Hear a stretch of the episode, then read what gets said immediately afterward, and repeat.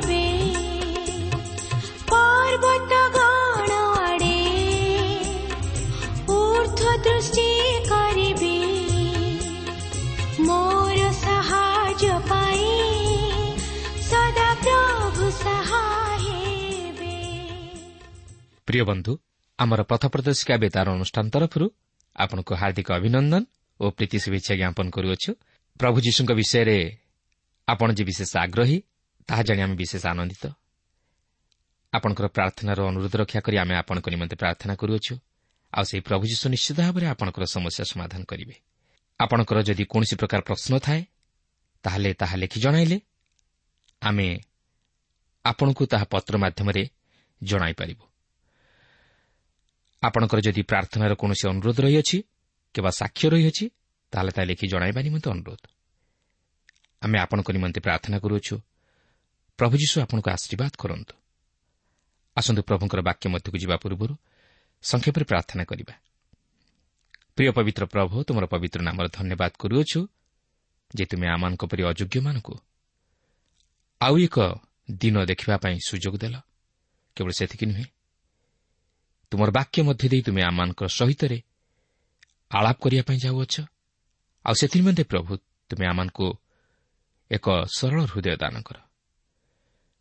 ଆମମାନଙ୍କୁ ଏକ ଧୀର ସ୍ଥିର ଚିତ୍ତ ଦାନ କର। ଯେତିକି ସମୟ ଧରି ଆମେ ତୁମର ବାକ୍ୟ ଅଧ୍ୟୟନ ବା ଶ୍ରବଣ କରିବୁ ସେଥିନିମନ୍ତେ ପ୍ରଭୁ ଆମମାନଙ୍କୁ ତୁମେ ସୁସ୍ଥିର ମତି ପ୍ରଦାନ କର। ଯେଉଁମାନେ ଅସୁସ୍ଥ ଅଛନ୍ତି ସେମାନଙ୍କୁ ସୁସ୍ଥତା ଦିଅ। ଯେଉଁମାନେ ସମସ୍ୟାରେ ଅଛନ୍ତି ପ୍ରଭୁ ତୁମେ ସେମାନଙ୍କର ସମସ୍ୟା ସମାଧାନ କର। ଯେଉଁମାନେ ବିଦ୍ୟା ଅଧ୍ୟୟନ କରୁଅଛନ୍ତି ତହିଁରେ ସଫଳତା ଲାଭ କରିବା ନିମନ୍ତେ ତୁମେ ସେମାନଙ୍କୁ ଆଶୀର୍ବାଦ କର। ତୁମର ଶାନ୍ତି ତୁମର ଆନନ୍ଦ ଦେଇ ପ୍ରତ୍ୟେକଙ୍କୁ ପ୍ରଭୁ ତୁମେ ସୁରକ୍ଷା କର। ଯୀଶୁଙ୍କ ନାମରେ ମାଗୁଅଛୁ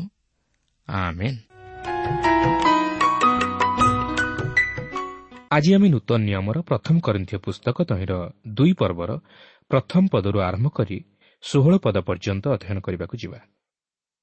ଆଜିର ମୁଖ୍ୟ ଆଲୋଚନାର ପ୍ରସଙ୍ଗ ହେଉଛି ପବିତ୍ର ଆତ୍ମାଙ୍କର ସ୍ପଷ୍ଟତା ମନୁଷ୍ୟ ଜ୍ଞାନକୁ ସଂଶୋଧିତ କରେ। ଦେଖନ୍ତୁ ଦୁଇ ପର୍ବର ପ୍ରଥମ ପଦରେ ଏହିପରି ଲେଖା ଅଛି ଅତେଭ ହେ ଭାଇମାନେ ଯେତେବେଳେ ମୁଁ ତୁମମାନଙ୍କ ନିକଟକୁ ଯାଇଥିଲି ସେତେବେଳେ ଈଶ୍ୱରଙ୍କ ନିଘଢ଼ ତତ୍ତ୍ୱ ବକ୍ତୃତା କିମ୍ବା ଜ୍ଞାନର ଉତ୍କୃଷ୍ଟତା ସହିତ ଯେ ତୁମମାନଙ୍କ ନିକଟରେ ପ୍ରଚାର କରିଥିଲି ତାହା ନୁହେଁ। ପ୍ରଥମତଃ ମୁଁ ଆପଣଙ୍କର ଏହି ବିଷୟ ଉପରେ ଦୃଷ୍ଟି ଆକର୍ଷଣ କରିବାକୁ ଚାହେଁ ଯେ ପାଉଲ ତାହାଙ୍କର ପ୍ରଚାରରେ ଦାର୍ଶନିକ ଚିନ୍ତାଧାରା ପ୍ରୟୋଗ କରିନଥିଲେ ସେ ତାହାଙ୍କର ପ୍ରଚାରରେ ଅଳଙ୍କାରପୂର୍ଣ୍ଣ ଶବ୍ଦ କିମ୍ବା ସାହିତ୍ୟିକ ଭାଷା ପ୍ରୟୋଗ କରିନଥିଲେ ସେ ଈଶ୍ୱରଙ୍କ ବାକ୍ୟକୁ ସରଳ ଭାବେ ପ୍ରଚାର କରିଥିଲେ କିନ୍ତୁ ନିଜର ଜ୍ଞାନ ଗାରିମାକୁ ଦେଖାଇ ନଥିଲେ। ଦ୍ୱିତୀୟତଃ ପାଉଲ ମନୁଷ୍ୟର ଜାଗତିକ ଜ୍ଞାନରେ ଈଶ୍ୱରଙ୍କର ସାକ୍ଷ୍ୟ କିମ୍ବା ନିଗୁଢ଼ ତତ୍ତ୍ୱକୁ ପ୍ରକାଶ କରିବାକୁ ଆସିନଥିଲେ। ସେହି ନିଗୁଢ଼ ତତ୍ତ୍ୱର ଅର୍ଥ କ'ଣ? ସେହି ନିଗୁଢ଼ ତତ୍ତ୍ୱର ଅର୍ଥ ହେଉଛି ପ୍ରଭୁ ଯୀଶୁ ଖ୍ରୀଷ୍ଟଙ୍କର କୃଷ୍ୟ ମୃତ୍ୟୁ ଯାହାକି ପୂର୍ବରୁ ପ୍ରକାଶିତ ହୋଇନଥିଲା ମାତ୍ର ଏବେ ପ୍ରକାଶିତ ହେଲା। ପାଉଲ ଏହି ନିଗୁଢ଼ ତତ୍ତ୍ୱକୁ ଅତି ସରଳ ତଥା ପରିଷ୍କାର ଭାବରେ ପ୍ରଚାର କରିଥିଲେ। ଦୁଇ ପର୍ବର ଦୁଇ ପଦରେ ଏହିପରି ଲେଖା ଅଛି କାରଣ ଯୀଶୁଖ୍ରୀଷ୍ଟ ଅର୍ଥାତ୍ କୃଷରେ ହତ ଯୀଶୁ ଖ୍ରୀଷ୍ଟଙ୍କ ବିନା ତୁମମାନଙ୍କ ମଧ୍ୟରେ ଆଉ କୌଣସି ବିଷୟ ନ ଜାଣିବାକୁ ମୁଁ ମନସ୍ଥ କଲି। ଦେଖନ୍ତୁ ପାଉଲଙ୍କ ପ୍ରଚାରର ମୁଖ୍ୟ ବିଷୟବସ୍ତୁ ଥିଲା ଖ୍ରୀଷ୍ଟଙ୍କର କୃଷିୟ ମୃତ୍ୟୁ। ସେ କୃଷାର୍ପିତ ଉଦ୍ଧାରକର୍ତ୍ତାଙ୍କୁ ପ୍ରଚାର କଲେ। ଜଣେ ଯେ କି ସମଗ୍ର ଜଗତର ପାପ ନିମନ୍ତେ କୃଷିୟ ମୃତ୍ୟୁଭୋଗ କଲେ ଏପରିକି ପ୍ରଚାର ଆଜି ମଧ୍ୟ ବିଶେଷ ଭାବେ ଆବଶ୍ୟକ। କାରଣ ଖ୍ରୀଷ୍ଟଙ୍କର କୃଷ୍ୟ ମୃତ୍ୟୁ ସମଗ୍ର ମାନବ ଜାତି ନିମନ୍ତେ ଏକମାତ୍ର ପରିତ୍ରାଣର ପଥ। ଦୁଇ ପର୍ବର ତିନି ପଦରେ ଲେଖା ଅଛି ପୁଣି ମୁଁ ଦୁର୍ବଳତା ଭୟ ଓ ମହାକମ୍ପ ସହ ତୁମମାନଙ୍କ ମଧ୍ୟରେ ଥିଲି। ପାଉଲ ଏଠାରେ ନିଜର ହୃଦୟର ଭାବକୁ ବ୍ୟକ୍ତ କରନ୍ତି। ସେ ଏଠାରେ ସ୍ପଷ୍ଟ କରିଦିଅନ୍ତି ଯେ ସେ ଯେତେବେଳେ ସେମାନଙ୍କ ମଧ୍ୟରେ ଥିଲେ ସେତେବେଳେ ସେ ବିଶେଷରେ ବାଧାପ୍ରାପ୍ତ ହୋଇଥିଲେ। ସେ ଦୁର୍ବଳତା ଭୟ ଓ ମହାକମ୍ପ ସହ ରହିଥିଲେ। ପାଉଲ ନିଜକୁ ଅତି ବଡ଼ ବୋଲି ମନେ କରୁନଥିଲେ। ତଥାପି ସେ ଅନେକ କ୍ଷେତ୍ରରେ ଅତି ବୁଦ୍ଧିମାନ ଓ ମହାନ ବ୍ୟକ୍ତି ଥିଲେ। କିନ୍ତୁ ସେ ନିଜକୁ ଜଣେ ମହାନ ବ୍ୟକ୍ତି ବୋଲି ଭାବୁନଥିଲେ। ଏହାପରେ ଦୁଇ ପର୍ବର ଚାରି ଓ ପାଞ୍ଚ ପଦରେ ଏହିପରି ଲେଖା ଅଛି ତୁମମାନଙ୍କ ବିଶ୍ୱାସ ଯେପରି ମନୁଷ୍ୟର ଜ୍ଞାନ ଉପରେ ସ୍ଥାପିତ ନ ହୋଇ ଈଶ୍ୱରଙ୍କ ଶକ୍ତି ଉପରେ ସ୍ଥାପିତ ହୁଏ ଏଥିପାଇଁ ମୋହର ଶିକ୍ଷା ଓ ମୋହର ପ୍ରଚାର ଜ୍ଞାନର ମନୋହର ବାକ୍ୟଯୁକ୍ତ ନ ହୋଇ ଆତ୍ମା ଓ ଶକ୍ତିର ପ୍ରମାଣଯୁକ୍ତ ହୋଇଥିଲା। ବର୍ତ୍ତମାନ ଆପଣ ଲକ୍ଷ୍ୟ କରିବେ ଅନେକ କିଛି ଶିକ୍ଷା ଓ ପ୍ରଚାର ମନୁଷ୍ୟର ଜ୍ଞାନ ଉପରେ ପର୍ଯ୍ୟବେସିତ ସେହିସବୁ କର୍ଣ୍ଣକୁ ଅତି ଶ୍ରୁତିମଧୁର ଓ ମନୋହର ବାକ୍ୟଯୁକ୍ତ ଆଜି ପ୍ରଚାର କାର୍ଯ୍ୟ ବହୁଳ ମାତ୍ରାରେ ଚାଲିଛି। ମାତ୍ର ଏହା ସମ୍ପୂର୍ଣ୍ଣ ଆତ୍ମା ଓ ଶକ୍ତିର ସହିତ ନୁହେଁ। ଯଦ୍ୱାରା ଏହା ବିଶେଷରେ ଫଳପ୍ରଦ ହୋଇପାରୁନାହିଁ। କାରଣ ଆମେ ଭାବୁଛେ ଏହା ଠିକ୍ ଭାବରେ ଠିକ୍ ବିଷୟବସ୍ତୁ ଉପରେ ଓ ଠିକ୍ ଶୈଳୀରେ ପ୍ରଚାରିତ ହେଲେ ଯଥେଷ୍ଟ। ମାତ୍ର ତାହା ନୁହେଁ ଏହା ଆତ୍ମା ଓ ଶକ୍ତିର ସହିତ ପ୍ରଚାରିତ ହେଲେ ଅଧିକ ଫଳପ୍ରଦ ହୋଇପାରିବ। ଏହି କାର୍ଯ୍ୟ ନିମନ୍ତେ ପବିତ୍ର ଆତ୍ମାଙ୍କର ଶକ୍ତିର କାର୍ଯ୍ୟ ନିତାନ୍ତ ଆବଶ୍ୟକ। ଅନ୍ୟ ଅର୍ଥରେ କହିବାକୁ ଗଲେ ଯଦି ଜଣେ ବ୍ୟକ୍ତିକୁ ପ୍ରଭୁଙ୍କ ନିକଟକୁ ଆଣିବାରେ ମନୁଷ୍ୟର ଜ୍ଞାନ ବ୍ୟବହୃତ ହୁଏ ତାହାହେଲେ ସେହି ବ୍ୟକ୍ତିର ବିଶ୍ୱାସ ମନୁଷ୍ୟର ଜ୍ଞାନ ଉପରେ ଆଧାରିତ ହୁଏ। କିନ୍ତୁ ଯଦି ଜଣେ ବ୍ୟକ୍ତିକୁ ଈଶ୍ୱରଙ୍କ ଶକ୍ତି ଦ୍ୱାରା ବିଶ୍ୱାସ ମତ ମଧ୍ୟକୁ ଅଣାଯାଏ ତାହେଲେ ତାହାର ବିଶ୍ୱାସ ଈଶ୍ୱରଙ୍କ ଶକ୍ତି ଉପରେ ଆଧାରିତ ହୁଏ। ଅନ୍ୟ ଅର୍ଥରେ କହିବାକୁ ଗଲେ ପାଉଲ କହିବାକୁ ଚାହାନ୍ତି ଯେ ଆମମାନଙ୍କର ବିଶ୍ୱାସ ଈଶ୍ୱରଙ୍କ ଆତ୍ମା ଓ ଶକ୍ତି ଉପରେ ଆଧାରିତ ହେବା ଆବଶ୍ୟକ। ଆଉ ଏଥି ନିମନ୍ତେ ଆମମାନଙ୍କର ବାକ୍ୟ ପ୍ରଚାର ଓ ଶିକ୍ଷା ଈଶ୍ୱରଙ୍କ ଆତ୍ମା ଓ ଶକ୍ତିର ସହିତ ହେବା ଆବଶ୍ୟକ। ଏଥି ନିମନ୍ତେ ଆମମାନେ ଈଶ୍ୱରଙ୍କ ଆତ୍ମା ଓ ଶକ୍ତିରେ ପରିଚାଳିତ ହୋଇ ବାକ୍ୟ ପ୍ରଚାର କରିବା ଉଚିତ। ଆମମାନଙ୍କର ଶିକ୍ଷା ଓ ପ୍ରଚାରରେ ପବିତ୍ର ଧର୍ମଶାସ୍ତ୍ରର ସତ୍ୟତାକୁ ପ୍ରମାଣିତ କରିବା ଯେତିକି ଗୁରୁତ୍ୱପୂର୍ଣ୍ଣ ଈଶ୍ୱରଙ୍କ ଆତ୍ମା ଓ ଶକ୍ତିରେ ପରିଚାଳିତ ହୋଇ ଶିକ୍ଷା ଦେବା ଓ ପ୍ରଚାର କରିବା ତାହାଠାରୁ ଅଧିକ ଗୁରୁତ୍ୱପୂର୍ଣ୍ଣ। ଦୁଇ ପର୍ବର ଛଅ ଓ ସାତ ପଦରେ ଏହିପରି ଲେଖା ଅଛି ତଥାପି ଆମ୍ଭେମାନେ ପରିପକ୍ୱ ଲୋକମାନଙ୍କ ମଧ୍ୟରେ ଜ୍ଞାନର କଥା କହୁଁ କିନ୍ତୁ ତାହା ଏହି ଯୁଗର ଜ୍ଞାନ ନୁହେଁ କିମ୍ବା ଏହି ଯୁଗର ନଷ୍ଟକଳ୍ପ ନେତାମାନଙ୍କ ଜ୍ଞାନ ନୁହେଁ ମାତ୍ର ଆମ୍ଭେମାନେ ନିଗୁଢ଼ତତ୍ତ୍ୱ ସ୍ୱରୂପ ଈଶ୍ୱରଙ୍କ ଜ୍ଞାନର କଥା କହୁଅଛୁ। ସେହି ଗୁପ୍ତ ଜ୍ଞାନ ଈଶ୍ୱର ଆମମାନଙ୍କ ଗୌରବ ନିମନ୍ତେ ଜଗତର ପୂର୍ବେ ନିରୂପଣ କରିଥିଲେ। ପାଉଲ କହନ୍ତି ଯେ ସେ ତାହାଙ୍କର ପ୍ରଚାରରେ ଜାଗତିକ ଜ୍ଞାନ ବା ଚିନ୍ତାଧାରା ଆଦୌ ପ୍ରୟୋଗ କରନ୍ତି ନାହିଁ। ମାତ୍ର ସେ କହନ୍ତି ମାତ୍ର ଆମ୍ଭେମାନେ ନିଗୁଢ଼ ତତ୍ତ୍ୱ ସ୍ୱରୂପ ଈଶ୍ୱରଙ୍କ ଜ୍ଞାନର କଥା କହୁଅଛୁ। ଏହା ଏହି ଯୁଗର ନୁହେଁ କିମ୍ବା ଏହି ଜଗତର ନୁହେଁ। ମାତ୍ର ଏହା ଈଶ୍ୱରଙ୍କ ଜ୍ଞାନ ଓ ଏହା ଖ୍ରୀଷ୍ଟଙ୍କ କୃଷ ପ୍ରତି ଅଙ୍ଗୁଳି ନିର୍ଦ୍ଦେଶ କରେ। ପାଉଲ କହନ୍ତି ସେହି ଗୁପ୍ତ ଜ୍ଞାନ ଈଶ୍ୱର ଆମମାନଙ୍କ ଗୌରବ ନିମନ୍ତେ ଜଗତର ପୂର୍ବେ ନିରୂପଣ କରିଥିଲେ।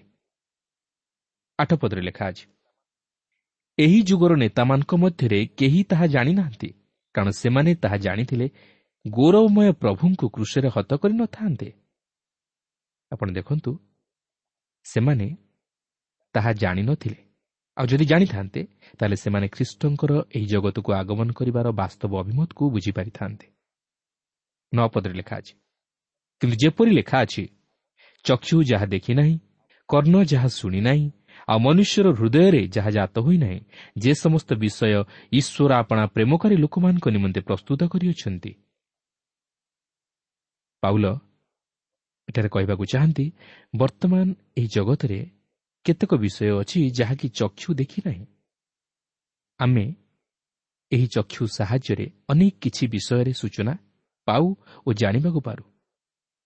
ଏହି ଚକ୍ଷୁ ମାଧ୍ୟମରେ ଆମେ ଅନେକ କିଛି ବିଷୟ ଶିକ୍ଷା କରିବାକୁ ପାରୁ। କିନ୍ତୁ ତଥାପି ଏପରି ବିଷୟ ଅଛି ଯାହାକି ଆମମାନଙ୍କର ଚକ୍ଷୁ ଦେଖିନାହିଁ ବା ଦେଖିବାକୁ ସମର୍ଥ ହୋଇପାରେ ନାହିଁ। ଏହାପରେ ଆଉ ଏକ ଦ୍ୱାର ଅଛି ଯାହା ମଧ୍ୟ ଦେଇ ଆମେ ମନୁଷ୍ୟର ଜ୍ଞାନ ଲାଭ କରୁ ତାହା ହେଉଛି କର୍ଣ୍ଣ। ଆମେ ଶୁଣିବା ଦ୍ୱାରା ମଧ୍ୟ ଅନେକ ବିଷୟ ଶିକ୍ଷା କରୁ। ମାତ୍ର ପାଉଲ କହନ୍ତି ଏପରି କେତେକ ବିଷୟ ଅଛି ଯାହାକି ଆମେ ଶୁଣିବା ଦ୍ୱାରା ମଧ୍ୟ ଶିକ୍ଷା କରିପାରିନଥାଉ ଏହାପରେ ସେ କହନ୍ତି ଆଉ ମନୁଷ୍ୟର ହୃଦୟରେ ଯାହା ଜାତ ହୋଇନାହିଁ ଅର୍ଥାତ୍ ଯାହା ମନୁଷ୍ୟର ଚିନ୍ତାଧାରା କିମ୍ବା ଭାବନା ଶକ୍ତି ବଳରେ ଜାତ ହୋଇନାହିଁ କାରଣ କେତେକ ବିଷୟ ଅଛି ଯାହା ମନୁଷ୍ୟ ନିଜର ଭାବନା ଶକ୍ତି ବଳରେ ବୁଝିବାକୁ ସମର୍ଥ ହୋଇପାରେ ନାହିଁ କିମ୍ବା ସେ ନିଜର ଜ୍ଞାନରେ ତାହା ବୁଝିବା ନିମନ୍ତେ ସମର୍ଥ ହୋଇପାରେ ନାହିଁ। ଆପଣ ଈଶ୍ୱରଙ୍କୁ ଖୋଜି ବାହାର କରିପାରିବେ ନାହିଁ। ଯେଉଁମାନେ ଈଶ୍ୱରଙ୍କୁ ପ୍ରେମ କରନ୍ତି ଈଶ୍ୱର ସେମାନଙ୍କ ନିମନ୍ତେ ଯେଉଁ ସମସ୍ତ ବିଷୟ ପ୍ରସ୍ତୁତ କରି ରଖିଅଛନ୍ତି ସେହି ସମସ୍ତ ବିଷୟ ମନୁଷ୍ୟର ଚକ୍ଷୁ କର୍ଣ୍ଣ କିମ୍ବା ଭାବନା ମଧ୍ୟରେ ପ୍ରବେଶ କରିପାରି ନାହିଁ। ତାହେଲେ ଆପଣ ସେହିସବୁ କିପରି ଜାଣିବାକୁ ପାରିବେ? ଦଶ ପଦରେ ଲେଖା ଅଛି କିନ୍ତୁ ଈଶ୍ୱର ଆମମାନଙ୍କ ନିମନ୍ତେ ଆତ୍ମାଙ୍କ ଦ୍ୱାରା ସେ ସମସ୍ତ ପ୍ରକାଶ କରିଅଛନ୍ତି। ଯେଣୁ ଆତ୍ମା ସମସ୍ତ ବିଷୟ ହଁ ଈଶ୍ୱରଙ୍କର ଗଭୀର ବିଷୟ ସବୁ ଅନୁସନ୍ଧାନ କରନ୍ତି। ଯାହା ଆମେ ଚକ୍ଷୁ ଦ୍ୱାରା କିମ୍ବା କର୍ଣ୍ଣ ଦ୍ୱାରା ଜାଣିପାରିବା ନାହିଁ ସେହିସବୁ ଈଶ୍ୱରଙ୍କ ଆତ୍ମା ଆମମାନଙ୍କୁ ଶିକ୍ଷା ଦେବେ ଓ ଜଣାଇବେ। ଅନେକ ବିଷୟ ଅଛି ଯାହାକି ଆମେ ବାଇବଲ ଅଧ୍ୟୟନ କଲେ ଜାଣିପାରିବା ବା ଶିକ୍ଷା କରିପାରିବା। କିନ୍ତୁ ଆମେ ସେହିପରି ଭାବେ ଆତ୍ମିକ ସତ୍ୟତାକୁ ଜାଣିପାରିବା ନାହିଁ ବା ଶିକ୍ଷା କରିପାରିବା ନାହିଁ। କାହିଁକି ଜାଣନ୍ତି? ଯେହେତୁ ଈଶ୍ୱର ତାହାଙ୍କ ଆତ୍ମାଙ୍କ ଦ୍ୱାରା ସେହିସବୁ ସତ୍ୟ ଆମମାନଙ୍କ ନିକଟରେ ପ୍ରକାଶ କରିଥାନ୍ତି। କେତେକ ବିଷୟ ଅଛି ଯାହାକି ଈଶ୍ୱରଙ୍କ ଆତ୍ମା ହିଁ କେବଳ ଆମମାନଙ୍କ ନିକଟରେ ସେହିସବୁ ବିଷୟ ପ୍ରକାଶ କରିଥାନ୍ତି। କାରଣ ଈଶ୍ୱରଙ୍କ ବାକ୍ୟର ନିଗୁଢ଼ ତତ୍ତ୍ୱକୁ ବୁଝିବାକୁ ହେଲେ ଈଶ୍ୱରଙ୍କ ଆତ୍ମାଙ୍କର ସହାୟତା ଆବଶ୍ୟକ। ଏଗାର ପଦରେ ଲେଖା ଅଛି କାରଣ ମନୁଷ୍ୟର ବିଷୟ ସବୁ ମନୁଷ୍ୟଠାରେ ଥିବା ଆତ୍ମା ବିନା ଆଉ କିଏ ଜାଣେ? ସେହିପରି ମଧ୍ୟ ଈଶ୍ୱରଙ୍କ ବିଷୟ ସବୁ ଈଶ୍ୱରଙ୍କ ଆତ୍ମା ବିନା ଆଉ କେହି ଜାଣେ ନାହିଁ। ଦେଖନ୍ତୁ ଆପଣ ଓ ମୁଁ ଆମେ ପ୍ରତ୍ୟେକ ପରସ୍ପରକୁ ବୁଝିପାରୁ ଯେହେତୁ ଆମମାନଙ୍କଠାରେ ମନୁଷ୍ୟର ଆତ୍ମା ଅଛି। ଧରି ନିଅନ୍ତୁ ଆପଣ ରାସ୍ତାରେ ଯାଉଥିବା ଅବସ୍ଥାରେ ଝୁଣ୍ଟି ପଡ଼ିଗଲେ।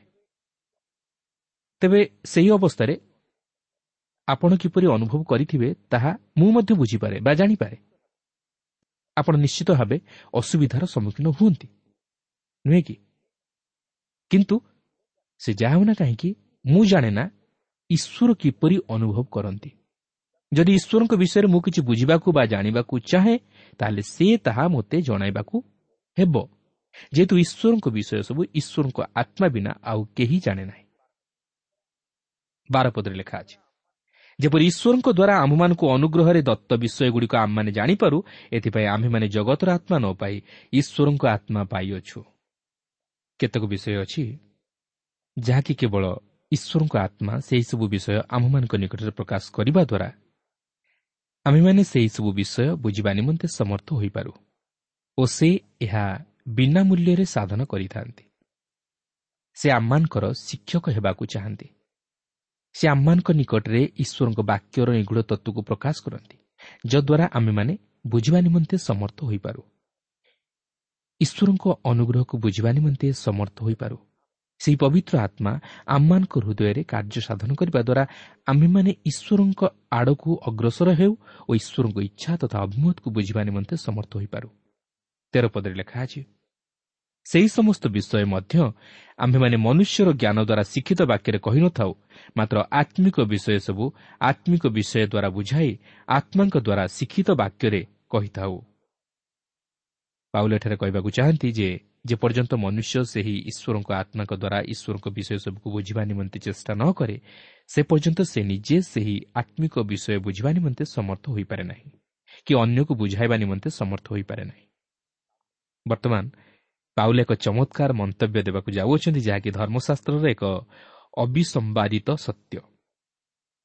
ଦେଖନ୍ତୁ ଦୁଇ ପର୍ବର ଚଉଦ ପଦରେ ଲେଖା ଅଛି କିନ୍ତୁ ସାଂସାରିକ ମନୁଷ୍ୟ ଈଶ୍ୱରଙ୍କ ଆତ୍ମାଙ୍କ ବିଷୟଗୁଡ଼ିକ ଗ୍ରହଣ କରେ ନାହିଁ। କାରଣ ସେହିସବୁ ତାହା ନିକଟରେ ମୂର୍ଖତା। ପୁଣି ସେ ସେହିସବୁ ବୁଝିପାରେ ନାହିଁ ଯେଣୁ ସେହିସବୁକୁ ଆତ୍ମିକ ଭାବରେ ବିଚାର କରାଯାଏ। ଦେଖନ୍ତୁ ଜଣେ ସାଂସାରିକ ମନୁଷ୍ୟ ବା ସାଧାରଣ ମନୁଷ୍ୟ ଈଶ୍ୱରଙ୍କ ବିଷୟକୁ ଗ୍ରହଣ କରିପାରେ ନାହିଁ। କାହିଁକି ଗ୍ରହଣ କରିପାରେ ନାହିଁ? ଯେହେତୁ ସେହିସବୁ ବିଷୟ ତା ନିକଟରେ ମୂର୍ଖତାର ବିଷୟ। ଈଶ୍ୱର କହନ୍ତି ବିନାଶ ପ୍ରାପ୍ତ ହେଉଥିବା ଲୋକମାନଙ୍କ ପ୍ରତି କୃଷର କଥା ମୂର୍ଖତା ମାତ୍ର। କାରଣ ସେ ଏହାର ବାସ୍ତବ ତାତ୍ପର୍ଯ୍ୟକୁ ବୁଝିପାରେ ନାହିଁ କି ଗ୍ରହଣ କରିପାରେ ନାହିଁ। ଏପରିକି ସେ ସେହିସବୁ ବୁଝିପାରେ ନାହିଁ ଯେହେତୁ ଈଶ୍ୱରଙ୍କ ଆତ୍ମା ତାହାଠାରେ ନଥାଏ ତେଣୁ ସେହିସବୁକୁ ଆତ୍ମିକ ଭାବରେ ବିଚାର କରାଯାଏ। ଅନେକ ସମୟରେ ଆମେ ଭାବୁ ଯେ ଆମେ ସବୁକିଛି ବୁଝିପାରୁ ବା ଆମେ ଚାହିଁଲେ ସବୁକିଛି ଅଧ୍ୟୟନ କରି ବୁଝିପାରିବା। ମାତ୍ର ଈଶ୍ୱରଙ୍କ ବାକ୍ୟକୁ ଆମେ ସେପରି ଭାବରେ ବୁଝିପାରିବା ନାହିଁ। କାରଣ ତାହା ଈଶ୍ୱରଙ୍କ ଇଚ୍ଛା ଓ ଉଦ୍ଦେଶ୍ୟକୁ ପ୍ରକାଶ କରେ। ତେଣୁକରି ଈଶ୍ୱରଙ୍କ ଆତ୍ମାଙ୍କ ସହାୟତା ନିତାନ୍ତ ଆବଶ୍ୟକ। ସେଥିପାଇଁ ପ୍ରଭୁ ଯୀଶୁ ଜୋହନ ଷୋହଳ ପର୍ବର ତେର ଓ ଚଉଦ ପଦରେ ଏହିପରି ପ୍ରକାଶ କରନ୍ତି କିନ୍ତୁ ସେ ଅର୍ଥାତ୍ ସତ୍ୟମୟ ଆତ୍ମା ଆସିଲେ। ସେ ପଥ ଦେଖାଇ ତୁମମାନଙ୍କୁ ସମସ୍ତ ସତ୍ୟରେ ପ୍ରବେଶ କରାଇବେ। କାରଣ ସେ ଆପଣାଠାରୁ କଥା କହିବେ ନାହିଁ। ମାତ୍ର ଯାହା ଯାହା ଶୁଣିବେ ସେହିସବୁ କହିବେ। ପୁଣି ଆଗାମୀ ବିଷୟ ସବୁ ତୁମମାନଙ୍କୁ ଜଣାଇବେ। ସେ ମୋତେ ଗୌରବାନ୍ୱିତ କରିବେ କାରଣ ସେ ମୋ ବିଷୟ ଘେନି ତୁମମାନଙ୍କୁ ଜଣାଇବେ। ମୋର ପ୍ରିୟ ବନ୍ଧୁ ଯେପର୍ଯ୍ୟନ୍ତ ସେହି ଈଶ୍ୱରଙ୍କ ଆତ୍ମା ଆପଣଙ୍କୁ ଖ୍ରୀଷ୍ଟଙ୍କ ବିଷୟ ଜଣାଇ ନାହାନ୍ତି ସେ ପର୍ଯ୍ୟନ୍ତ ଏହି ପ୍ରଥମ କରନ୍ଥୀୟ ପତ୍ରଟି ଆପଣଙ୍କ ଜୀବନରେ ବିଶେଷ ପ୍ରଭାବ ପକାଇ ପାରିବ ନାହିଁ। ଏହାର ଗୁରୁତ୍ୱପୂର୍ଣ୍ଣତାକୁ ଆପଣ ବୁଝିପାରିବେ ନାହିଁ। ପନ୍ଦର ଓ ଷୋହଳ ପଦରେ ଲେଖା ଅଛି ମାତ୍ର ଯେ ଆତ୍ମିକ ମନା ସେ ସମସ୍ତ ବିଷୟ ବିଚାର କରେ ତଥାପି କେହି ତାର ବିଚାର କରେ ନାହିଁ। କାରଣ କିଏ ପ୍ରଭୁଙ୍କ ମନ ଜାଣିଅଛି ଯେ ସେ ତାହାଙ୍କୁ ଶିକ୍ଷା ଦେଇପାରେ? କିନ୍ତୁ ଆମ୍ଭେମାନେ ଖ୍ରୀଷ୍ଟଙ୍କ ମନ ପାଇଅଛୁ।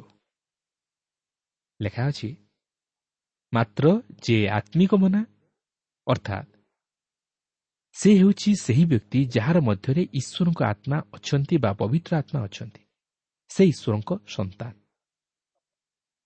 ସେ ସମସ୍ତ ବିଷୟ ବିଚାର କରେ ଅର୍ଥାତ୍ ସେ ଏହି ସମସ୍ତ ଆତ୍ମିକ ବିଷୟକୁ ବୁଝିପାରେ ତଥାପି କେହି ତାହାର ବିଚାର କରେ ନାହିଁ ଅର୍ଥାତ୍ କେହି ତାହାଙ୍କୁ ବୁଝିପାରେ ନାହିଁ କାରଣ ଆତ୍ମିକ ମନା ମନୁଷ୍ୟର ସାଂସାରିକ ମନା ମନୁଷ୍ୟ ସହିତ ମେଳ ଖାଏ ନାହିଁ।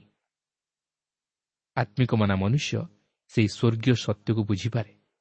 ମାତ୍ର ସେ ସାଂସାରିକ ମନା ମନୁଷ୍ୟ ତାହାଙ୍କୁ ଭୁଲ ବୁଝେ।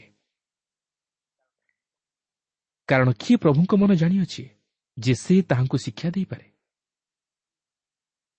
କିଏ ଈଶ୍ୱରଙ୍କୁ ଶିକ୍ଷା ଦେଇପାରେ? କିଏ ପ୍ରଭୁଙ୍କ ମନକୁ ଜାଣିପାରେ? ଆମେ ଈଶ୍ୱରଙ୍କୁ କିଛି କହିପାରିବା ନାହିଁ। ମାତ୍ର ଈଶ୍ୱର ଆମମାନଙ୍କ ନିକଟରେ ଅନେକ କିଛି ବିଷୟ ପ୍ରକାଶ କରିପାରିବେ। ସେ ଯାଉନା କାହିଁକି? ଯେପର୍ଯ୍ୟନ୍ତ ଆମେ ଖ୍ରୀଷ୍ଟଙ୍କ ମନ ଧାରଣ କରିନାହୁଁ ସେ ପର୍ଯ୍ୟନ୍ତ ଈଶ୍ୱରଙ୍କ ଆତ୍ମା ଆମମାନଙ୍କ ନିକଟରେ ଆତ୍ମିକ ବିଷୟଗୁଡ଼ିକ ପ୍ରକାଶ କରିପାରିବେ ନାହିଁ। ଯଦି ଆପଣ ଜଣେ ଉଦ୍ଧାରପ୍ରାପ୍ତ ବ୍ୟକ୍ତି ନୁହନ୍ତି ତାହେଲେ ଆପଣ କ'ଣ ପ୍ରକୃତରେ ଭାବନ୍ତି ନାହିଁ ଯେ କୃଷର କଥା ଆପଣଙ୍କ ନିମନ୍ତେ ମୂର୍ଖତା ମାତ୍ର? ତଥାପି ଈଶ୍ୱର କହନ୍ତି ତାହାଙ୍କର ଯୋଜନା ଓ ଜ୍ଞାନ ହେଉଛି ଯେ ସେ ଆମମାନଙ୍କ ପାପ ନିମନ୍ତେ ତାହାଙ୍କର ପୁତ୍ର ପ୍ରଭୁ ଯୀଶୁଖ୍ରୀଷ୍ଟଙ୍କୁ ପ୍ରଦାନ କରିଅଛନ୍ତି। ଯେପରି ଆମ୍ଭେମାନେ ଉଦ୍ଧାର ପାଇବାକୁ ପାରୁ ଓ ଆମ୍ଭେମାନେ ଯେପରି ତାହାଙ୍କଠାରେ ବିଶ୍ୱାସ ସ୍ଥାପନ କରୁ। ଆପଣଙ୍କର ମନେଥିବ ଆମେ ଏହି ପର୍ବଟିକୁ ପବିତ୍ର ଆତ୍ମାଙ୍କର ସ୍ପଷ୍ଟତା ମନୁଷ୍ୟ ଜ୍ଞାନକୁ ସଂଶୋଧିତ କରେ ଏହି ପ୍ରସଙ୍ଗ ସହିତ ତୁଳନା କରିଥିଲୁ। ପାଉଲ ଦୁଇଟି ଶ୍ରେଣୀର ମନୁଷ୍ୟମାନଙ୍କୁ ଉପସ୍ଥାପିତ କରିଅଛନ୍ତି ସାଂସାରିକ ମନୁଷ୍ୟ ଓ ଆତ୍ମିକ ମନା ମନୁଷ୍ୟ। ସାଂସାରିକ ମନୁଷ୍ୟ ଆଦମଙ୍କର ସନ୍ତାନ ପାପର ସ୍ୱଭାବ ନେଇ ଏହି ଜଗତରେ ଜନ୍ମଗ୍ରହଣ କରିଅଛି ଓ ଦୁଷ୍ଟତାର ପ୍ରବୃତ୍ତି ତାହାଠାରେ ଅଛି। ଆଉ ତାହା ହିଁ ଜଣେ ସାଂସାରିକ ମନା ଲୋକ କରିଥାଏ। ସେଥିପାଇଁ ପାଉଲ କହନ୍ତି କିନ୍ତୁ ସାଂସାରିକ ମନୁଷ୍ୟ ଈଶ୍ୱରଙ୍କ ଆତ୍ମାଙ୍କ ବିଷୟଗୁଡ଼ିକ ଗ୍ରହଣ କରେ ନାହିଁ। କାରଣ ସେ ସେହିସବୁ ତାହା ନିକଟରେ ମୂର୍ଖତା ପୁଣି ସେ ସେହିସବୁ ବୁଝିପାରେ ନାହିଁ। ଏପରିକି ସାଂସାରିକ ମନା ଲୋକ ଯଦି କିଛି ଉତ୍ତମ ବିଷୟ ସାଧନ କରେ ତାହେଲେ ତାହା ମଧ୍ୟ ତାହାର ମିଶ୍ରିତ ମନୋଭାବ ଦ୍ୱାରା ହିଁ କରିଥାଏ। ତାହାର ମନୋଭାବ ପରିଷ୍କାର କିମ୍ବା ସରଳ ନଥାଏ। ଏହାପରେ ଆମେ ଦେଖୁ ଆତ୍ମିକ ମନା ବ୍ୟକ୍ତି। ପାଉଲ କହନ୍ତି ଯେ ଯେ ଆତ୍ମିକ ମନା ସେ ସମସ୍ତ ବିଷୟ ବିଚାର କରେ। ଅର୍ଥାତ୍ ସେ ସମସ୍ତ ବିଷୟ ବୁଝିପାରେ କାରଣ ତାହାର ଆତ୍ମିକ ବିଚାର ବୁଦ୍ଧି ଥାଏ। ତାହାର ସେହି ଆତ୍ମିକ ବିଚାର ବୁଦ୍ଧି ଅନ୍ୟମାନଙ୍କ ନିମନ୍ତେ ତାହାକୁ ଭୁଲ ବୁଝିବାରେ କାରଣ ହୋଇଥାଏ। ଯେହେତୁ ସେହି ସାଂସାରିକ ମନା ଯାହା କିଛି କରେ ତାହା ସେ କାହିଁକି କରେ ତାହା ସେ ନିଜେ ବୁଝିପାରେ ନାହିଁ। ତାହା ହିଁ ହେଉଛି ଜଣେ ସାଂସାରିକ ମନା ଓ ଜଣେ ଆତ୍ମିକ ମନା ବ୍ୟକ୍ତି ମଧ୍ୟରେ ଭିନ୍ନତା। ଆମେ ଲକ୍ଷ୍ୟ କରିବାକୁ ପାରିବା ଯେ ଆତ୍ମିକ ମନା ବ୍ୟକ୍ତି ଏକ ସ୍ୱତନ୍ତ୍ର ଯେହେତୁ ସେମାନେ ଈଶ୍ୱରଙ୍କ ବାକ୍ୟ ସହିତ ସମ୍ପର୍କ ସ୍ଥାପନ କରିଥାନ୍ତି ଓ ତହିଁର ନିଗୁଢ଼ ତତ୍ତ୍ୱକୁ ବୁଝିବା ନିମନ୍ତେ ସମର୍ଥ ହୋଇଥାନ୍ତି। କିନ୍ତୁ ସାଂସାରିକ ମନା ମନୁଷ୍ୟ ନିକଟରେ ସେହିସବୁ ବିଷୟ ମୂର୍ଖତା। ପ୍ରିୟ ବନ୍ଧୁ ଆଜି ଆମେ କେଉଁ ଶ୍ରେଣୀର ଅନ୍ତର୍ଭୁକ୍ତ? ଆଜି କ'ଣ ଆମେ ଈଶ୍ୱରଙ୍କ ବାକ୍ୟର ମହତ୍ଵକୁ ବୁଝିବା ନିମନ୍ତେ ସମର୍ଥ ହୋଇପାରିଛୁ କି? ଆଜି କ'ଣ ଆମେ ଈଶ୍ୱରଙ୍କ ବାକ୍ୟରେ ବିଶ୍ୱାସ ସ୍ଥାପନ କରିଛୁ କି? ଆଜି କ'ଣ ଆମେ ଆତ୍ମିକମାନ ହୋଇପାରିଛୁ କି? ଯଦି ନାହିଁ ତାହେଲେ ଆଜି ମଧ୍ୟ ସମୟ ଅଛି। ଆମେ ସେହି ପ୍ରଭୁ ଯୀଶୁଖ୍ରୀଷ୍ଟଙ୍କ କୃଷି ପ୍ରେମର ବାସ୍ତବ ତାତ୍ପର୍ଯ୍ୟତାକୁ ବୁଝିବା ପାଇଁ ଚେଷ୍ଟା କରୁ ଓ ଖ୍ରୀଷ୍ଟଙ୍କୁ ନିଜ ହୃଦୟ ମଧ୍ୟରେ ସ୍ଥାନ ଦେଇ ପବିତ୍ର ଆତ୍ମାଙ୍କ ଶକ୍ତିରେ ପରିଚାଳିତ ହୁଏ ଈଶ୍ୱରଙ୍କ ବାସ୍ତବ ଅଭିମତକୁ ସଫଳ କରିବା ନିମନ୍ତେ ଚେଷ୍ଟା କରୁ। ପ୍ରିୟ ବନ୍ଧୁ କୃଷର କଥା ଆଜି ଆମମାନଙ୍କ ନିମନ୍ତେ କ'ଣ? ଜ୍ଞାନର ବିଷୟ ହୋଇପାରିଛି କି? ପ୍ରଭୁ ଯୀଶୁଙ୍କର ସେହି କୃଷି ମୃତ୍ୟୁର ବାସ୍ତବ ଅଭିମତକୁ କ'ଣ ଆମେ ବୁଝିପାରିଛୁ କି? ପ୍ରଭୁ ଯୀଶୁଙ୍କର ସେହି କୃଷି ପ୍ରେମର ବାସ୍ତବ ମହତ୍ଵକୁ କ'ଣ ଆମେ ବୁଝିପାରିଛୁ କି? ନା ଆଜି ଆମେ ତାହାଙ୍କର ସେହି କୃଷର ବିଷୟକୁ ପରିହାସ କରୁଅଛୁ। ମାତ୍ର ପ୍ରଭୁ ଯୀଶୁଖ୍ରୀଷ୍ଟ ଆମମାନଙ୍କୁ ଉଦ୍ଧାର କରିବା ପାଇଁ ତାହାଙ୍କର ସେହି ପ୍ରାୟଶ୍ଚିତ ବଳି ସାଧନ କଲେ। ଯେପରି ଆପଣ ମୁଁ ଆମେ ପାପରୁ ଉଦ୍ଧାର ପାଇ ସେହି ପରିତାଣର ଅଧିକାରୀ ହୋଇପାରୁ। ପ୍ରଭୁ ଆଜି ଆମ ପ୍ରତ୍ୟେକଙ୍କୁ ଆହ୍ୱାନ କରନ୍ତି। ପାପ ପଥରୁ ଫେରି ସେହି ଧର୍ମପଥର ଅନୁଗାମୀ ହେବା ପାଇଁ। ବିନାଶର ପଥରୁ ଫେରି ସେହି ଉଦ୍ଧାରର ପଥରେ ଯିବା ପାଇଁ। ଯଦି ଆମେ ଶକ୍ତଗ୍ରୀବ ହୋଇ ପ୍ରଭୁ ଯୀଶୁଖ୍ରୀଷ୍ଟଙ୍କର ସେହି କୃଷି ପ୍ରେମର ବାସ୍ତବତାକୁ ଉପଲବ୍ଧି ନ କରୁ ତାହେଲେ ଆମେ କେବେ ହେଲେ ଉଦ୍ଧାର ପାଇପାରିବା ନାହିଁ। ଆମମାନେ କେବେ ହେଲେ ପାପରୁ ଉଦ୍ଧାର ପାଇ ସେହି ଅନନ୍ତ ଜୀବନର ଅଧିକାରୀ ହୋଇପାରିବା ନାହିଁ। ପ୍ରଭୁ ଆଜି ଆମମାନଙ୍କ ଜୀବନରୁ ଚାହାନ୍ତି ଯେପରି ଆମେ ତାଙ୍କର ସେହି କୃଷର ନିକଟବର୍ତ୍ତୀ ହୋଇ ନିଜର ପାପ ସବୁ ସ୍ୱୀକାର କରି ପାପରୁ ଉଦ୍ଧାର ପାଇ ସେ ଅନନ୍ତ ଜୀବନର ଅଧିକାରୀ ହେଉ। ଈଶ୍ୱରଙ୍କ ସନ୍ତାନତ୍ୱର ଅଧିକାର ପ୍ରାପ୍ତ ହେଉ। ତେଣୁ ଆସୁ। ପ୍ରଭୁଙ୍କ ନିମନ୍ତେ ପ୍ରସ୍ତୁତ ଜୀବନଯାପନ କରି ତାହାଙ୍କ ନିମନ୍ତେ ବଞ୍ଚିବା ପାଇଁ ଚେଷ୍ଟା କରୁ। ପ୍ରଭୁ ଆମ ପ୍ରତ୍ୟେକଙ୍କୁ ଏହି ସଂକ୍ଷିପ୍ତ ଆଲୋଚନା ମଧ୍ୟ ଦେଇ ଆଶୀର୍ବାଦ କରନ୍ତୁ।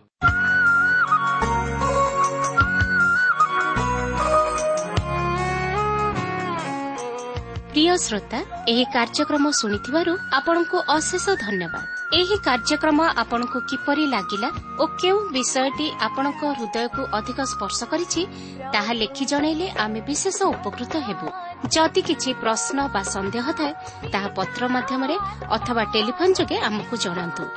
ଆମର ଠିକଣା ପଥ ପ୍ରଦର୍ଶିକା Trans World Radio India post box number ତିନି ତିନି ଭୁବନେଶ୍ୱର ସାତ ପାଞ୍ଚ ଏକ ଶୂନ ଶୂନ ଏକ mobile number nine seven double seven double two one four one five ଠିକଣାଟି ଆଉଥରେ ଶୁଣନ୍ତୁ ପଥ ପ୍ରଦର୍ଶିକା Trans World Radio India post box number three three Bhubaneswar seven five one zero zero one mobile number nine seven double seven double two one four one five ଆମର email ଆଡ୍ରେସଟି ଲେଖି ରଖନ୍ତୁ Odia TTV at radio eight eight two dot com ତେବେ ଆଜି ପାଇଁ ଏଠାରେ ରଖୁଛୁ।